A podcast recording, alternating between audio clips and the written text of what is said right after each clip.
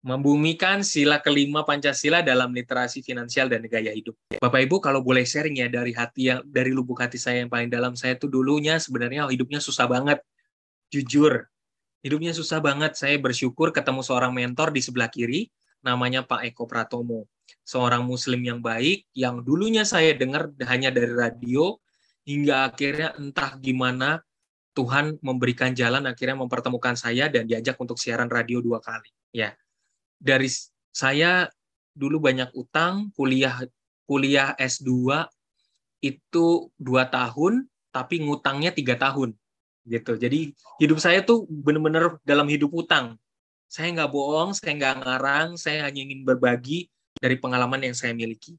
Nah, karena didampingin sama mentor ini, akhirnya saya punya nazar kalau misalnya ada rezekinya ternyata bisa berbalik, saya harus bisa memberikan ilmunya kepada kepada Bapak Ibu dan kepada rekan-rekan yang lain. Ini contohnya kepada teman-teman ma di mahasiswa di kuliah di Alam Sutra, uh, terus kemudian yang di uh, Kemanggisan, ke teman-teman kantor. Yang di sebelah kanan itu adalah di sebelah kanan atas itu ada Pak Eko sama Pak Teguh, dua Muslim yang luar biasa yang buat saya pribadi sebagai mentor dan sekaligus malaikat buat saya yang menyelamatkan hidup saya dari dari hutang-hutang, dari memaintain utang saya. Walaupun saya tetap masih punya utang, nggak akan berakhir utang itu. Ada KPR rumah juga utang, motor juga utang, mobil juga utang, ya kan?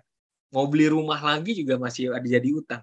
Tetapi kita memaintain. Jangan-jangan dari pengalaman saya didampingi oleh mentor, orang Indonesia berapapun duitnya, yang menjadi problem bukanlah duitnya, tetapi maintainnya.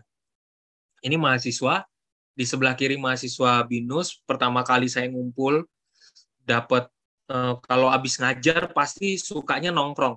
Kalau habis ngajar di kelas, biasanya setelah itu saya ada waktu kosong, saya pasti nongkrong. Nah, di sebelah kanan itu adalah para manajer yang hadir. Akhirnya waktu itu saya dapat presentasi, terus saya pikir, kenapa harus manajer? Ya kaget juga, manajer juga mau belajar ekspektasi di sebelah kanan Bapak Ibu, eh, rekan-rekan, siklus kehidupan keuangan yang paling ideal itu ada di sebelah kanan.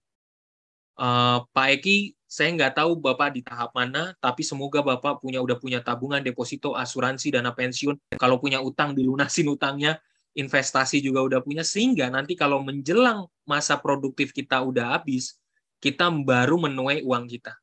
Gitu ada yang nanya, dana pensiun memang kita lagi muda gini kita perlu nabungin dana pensiun, wajib. Udah kuncinya wajib. Jangan nunggu ketika kita mulai udah menjelang, udah mulai nggak produktif, kemudian kita baru ngumpulin dana pensiun, ketelat. Tapi realita yang saya hadapi dalam kehidupan saya, semoga Bapak Ibu juga mungkin ada yang se, se uh, sepenanggungan, seperasaan seperti saya. Saya tuh nggak punya tabungan dulunya terus keluarga tuh pernah kesusahan keuangan, ya saya akui. Tidak pernah ada laporan keuangan dan keterbukaan keuangan, ya. Bapak dan ibu saya itu nyaris cerai karena soal masalah duit. Ibu saya dua tahun lebih tua daripada papa saya. Jadi konfliknya tuh kuat banget di rumah. Kalau bapak ibu lihat saya suka senyum dan segala macam, di masa lalu saya nggak begitu. Di masa lalu saya tuh ngeri banget ya sebenarnya berantem dan kami tuh terpukul dengan konflik-konflik yang ada di dalam rumah, gitu. khususnya masalah keuangan. Keluarga cuma bisa punya tanah, nggak ngerti investasi lain, deposito segala macam. Punya mobil pun eh, tiba-tiba papa saya ngejual mobilnya tanpa kita tahu, gitu. Jadi kami tuh ngalamin konflik yang luar biasa. Ayah ayah udah meninggal, udah mendiang. Ibu sendiri udah sekarang dia seorang PNS, tapi sebenarnya nggak punya dana darurat sama dana pensiun untuk masa tuanya jadi ngandelin kita masih anak. Nah, waktu saya ketemu sama mentor, saya punya alatnya. Nanti saya bagikan buat Bapak Ibu ya. Syaratnya cuma satu. Syaratnya cuma satu. Bapak Ibu yang mau alatnya, ya, mau alatnya cara ngitung target dana pensiun, saya punya Excel-nya dikasih sama mentor saya. Bapak Ibu wajib WhatsApp saya. alatnya hanya saya berikan. Alatnya itu hanya saya berikan buat Bapak Ibu yang WhatsApp saya 081905082435. Saya nulis di colong chat ya. Yang caranya gimana? Bapak Ibu selama saya lagi presentasi ini, di mana Bapak Ibu, eh, Bapak Ibu boleh screenshot yang mana yang paling tertarik, yang mana yang paling eh, kena buat Bapak Ibu. Ya. Kemudian screenshot, di foto pakai HP boleh, lalu kirimkan ke saya lewat WA. Yang mengirimkan gambar dan kirim lewat WA, nanti saya kasih data filenya. Gampang banget dan Anda akan terkejut. Nah, saya ternyata punya target pensiunnya itu 5 miliar. Ya, saya kaget. Ngumpulinnya caranya gimana? Itu kan ideal. Tapi kita berusaha kan, gitu. Oke, kita lanjut. Maaf Pak, saya login, nggak apa-apa. Oke, terima kasih. Kita lanjut ya.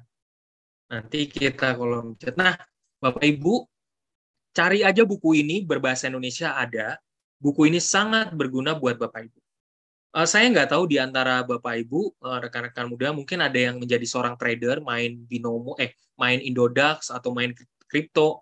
Saya saranin kalau misalnya main di pasar modal, baca buku yang di sebelah kanan, The Intelligent Investor. Ini bahasa Inggris, bahasa Indonesia-nya udah ada di Gramedia. Buku yang mempengaruhi hidup saya adalah Tengah, Rich Dad Poor Dad. Itu buku yang tengah, ya. Oh, uh, apa aja Ibu Monik? Ibu Monik, boleh screenshot yang mana aja yang mengenang untuk Anda ya. Nanti kan ini slide-nya banyak, jadi uh, screenshot aja yang mengenang. Oke. Okay. Uh, Oke. Okay. Dan yang menariknya adalah buat saya, saya tuh kesentil dengan kata-kata Robert Robert T. Kiyosaki.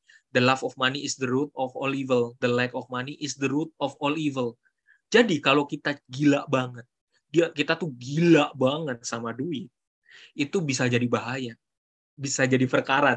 Tapi kalau kita duitnya kurang, itu juga jadi bahaya, jadi tukang rampok, jadi tukang curi gitu. Ya. Gitu. Jadi Robert Kiyosaki bilang yang penting duitnya tuh pas-pasan dan menabunglah terus, berinvestasilah. Kalau misalnya dia tipsnya cuma simpel sih, punya rumah, kalau rumahnya nggak dipakai, di dikontrakin, dikosin. Itu sebenarnya idenya dari dia tuh gitu. Ya, dikontrakin, dikosin. Supaya kenapa? Supaya bukan jadi supaya jadi produktif bukan jadi utang liabilitas gitu